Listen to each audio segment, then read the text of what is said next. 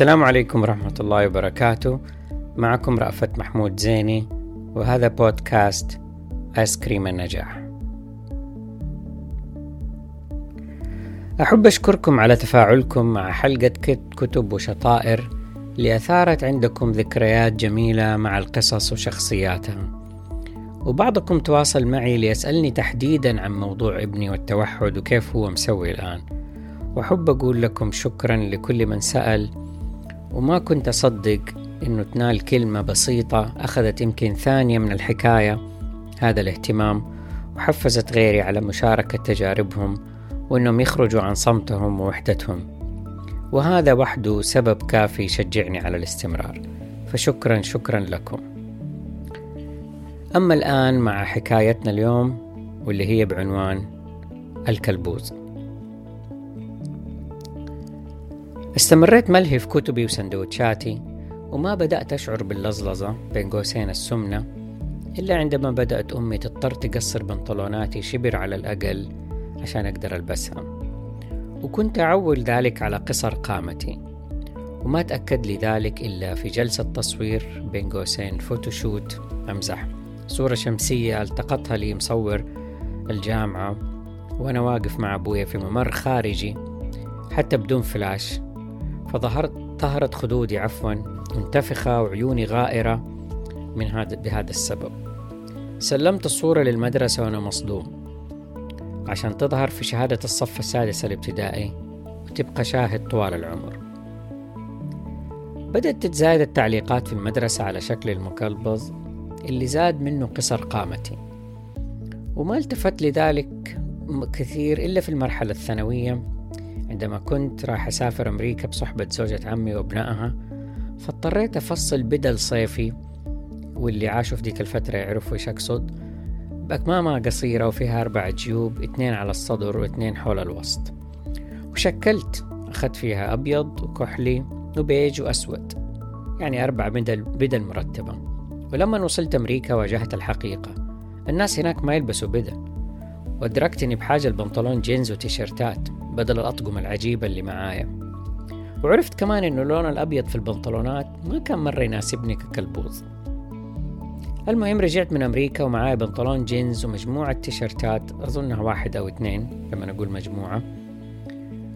ولبستها وهريتها لبس بالأحرى. وعشان لا يروح بالكم بعيد ترى أنا ما كنت زي نفيخة صديق لولو الصغيرة أو دحروج منافسه اللدود. بس كنت في طريقي عشان أصير كده. كانت عندي عادة إني ما أخرج من البيت إلا وأنا معبي جيب الجنس واحد فيهم فصفص والجيب التاني لبان وأتنقل بينهم بأريحية وأنا أشتغل في معسكر الكشاف المدرسي اللي ذكرته في حلقة في الحلقة واحدة من الحلقات السابقة. حتى صادفت كشاف كان يشرف علينا وإحنا نعمل أعمال الريادة واللي هي عبارة عن إنشاء هياكل بالعصي الكشفية اللي هي العصي حقت المكانس مع الحبال فقط دون استخدام مسامير إطلاقا. كنت أعتبر هذا الكشاف غلس ولسانه, مت... ولسانه متبري منه أنه يعطي ملحوظات قوية على الربطات والعقد الخطأ. المهم إني كنت شغال وحاطط يعني همي في الشغل ومعايا فمي برضو شغال إما فصفص أو لبان. فهو بيدور ويشيك علينا وكده قال لي أنت ما توقف أكل؟ شكلك راح تزيد تتنفخ بدل ما تطول. وطبعا أكيد لامس منطقة حساسة ما يحتاج أذكركم أني كنت متأخر عن أصحابي في النمو وهذه الكلمة جات زودت الطينة بلة. فجأة حسيت أنه حلقي جف وانسد وما استطيع وما استطعت أني أبلع حتى حفبات الفصفص.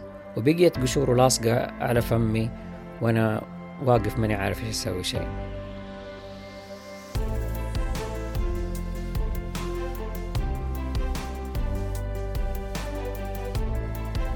رجعت البيت والدنيا تدور تحتي. وقدرت أو بالأحرى قررت أنحف أو بالأحرى أبدأ أتحكم في نفسي. وبدأت رحلتي للتعرف على ما يعرف بتخفيف الوزن أو بين قوسين الرجيم اللي ما كنت أعرف عنها سوى أكل الجريب فروت وشاهي الزهورات اللي كانت عمتي تسوق له كوسيلة تنحيف ولا أستحضر أي شواهد على نجاحها. المهم بدأت آكل صدور دجاج وخس مع زيت الزيتون والليمون وأمي صارت تطبخ لي صينية دجاج باللبن لذيذة. آكل منها وأجري على السير ببدلة نايلون لتعظيم الفائدة. واستمرت محاولة النحف ونحفت حقيقة إلى أن جاء وقت سفرتي الثانية مع الكشافة الأمريكا اللي كانت في الصف الثاني الثانوي. وتمكنت خلالها من لبس بنطلونات مرتبة زي بنطلونات مايكل جاكسون وجاكيتاته وصار صاحب التعليق القوي اللي كان مغلس علي من أصدقائي المقربين. استمريت بعد ذلك في إدراك واعي بضرورة السيطرة على وزني وشهيتي. فكلما زادت شويتين رجعت للدجاج والخس. مرت السنوات وتزوجت وكالبسط بعض الشيء ولكن مع موضة البنطلونات الواسعة في نهاية التسعينيات ما حسيت بشيء واستمر الوضع على ما هو عليه. حتى كبروا أولادي وصاروا يتمنوا أبوهم يصير كول ويلبس مرتب. تعرفت ساعتها على نظام الأتكنز لتخفيف الوزن من رحيمي اللي فاجأني نزول وزنه في خلال فترة يعني يمكن فترة ستة شهور. وقررت أخوض التجربة وسيطرت تماما على الكربوهيدرات اللي أعشقها من باب حبي للسندوتشات والمكرونة والرز برضو. واللي ما كنت أستسلم لتركه إلا أحيانا لطبخة معينة وهي السباجيتي مع كرات اللحم والجبنة على طريقة الطباخة ريتشل ري. واصلت الرحلة والتأرجح بين حالات الرضا والزعل مع تذبذب إحساسي بسهولة محاولات الدخول في البنطلونات أو تكفيلة أزارير القمصان. وجربت حتى الحلول السريعة لفقد الوزن خلال أسبوع وخلافه وتركتها دون عودة. حتى فاجأتني آلام المرارة وأنا مرة معلق بين السماء والأرض على متن طائرة فوق المحيط وأوصاني الطبيب بعدها بالمحافظة على وزني أو تخفيضه بالعربي. فبدأت رحلة الاهتمام بالوزن بدافع صحي المرة هذه وليس شكلي فقط. حتى اهتديت مؤخرا إلى موضوع راحة المعدة والأمعاء بتباعد أوقات الوجبات أو ما يعرف بالصيام المتقطع. إني أكل وجبة واحدة يوميا أو على الأقل أوقف الأكل المتواصل بين الوجبات بين قوسين النقنقة. وأنا مبسوط جدا بهذا.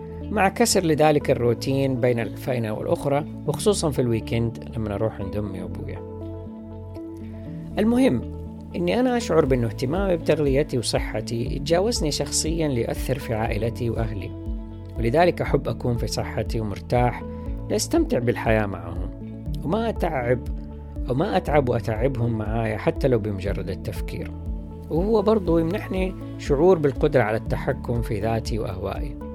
وشيء أكبر من ذلك وهو الاستماع لمن يمكن أن يقول لي كلمة صادقة قد تصدمني وتضايقني لكنها ممكن تفيدني وهذا هو المكسب الأهم.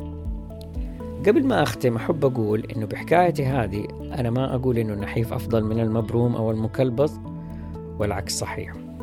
وكل واحد فينا حر في اختياراته وفي تقبله لما يناسبه. المهم إنه ينتبه لصحته زي ما تقول أوبرا. وبالمناسبة أنا ماني خبير تغذية أو طبيب أو معالج وهذه تجربتي الخاصة. وكل واحد عليه إنه يجد ما يناسبه فيجرب ويصيخ السمع لجسمه وعقله وروحه وأحاسيسه وطاقته واستجابتها لتلك التجارب. وسلامتكم.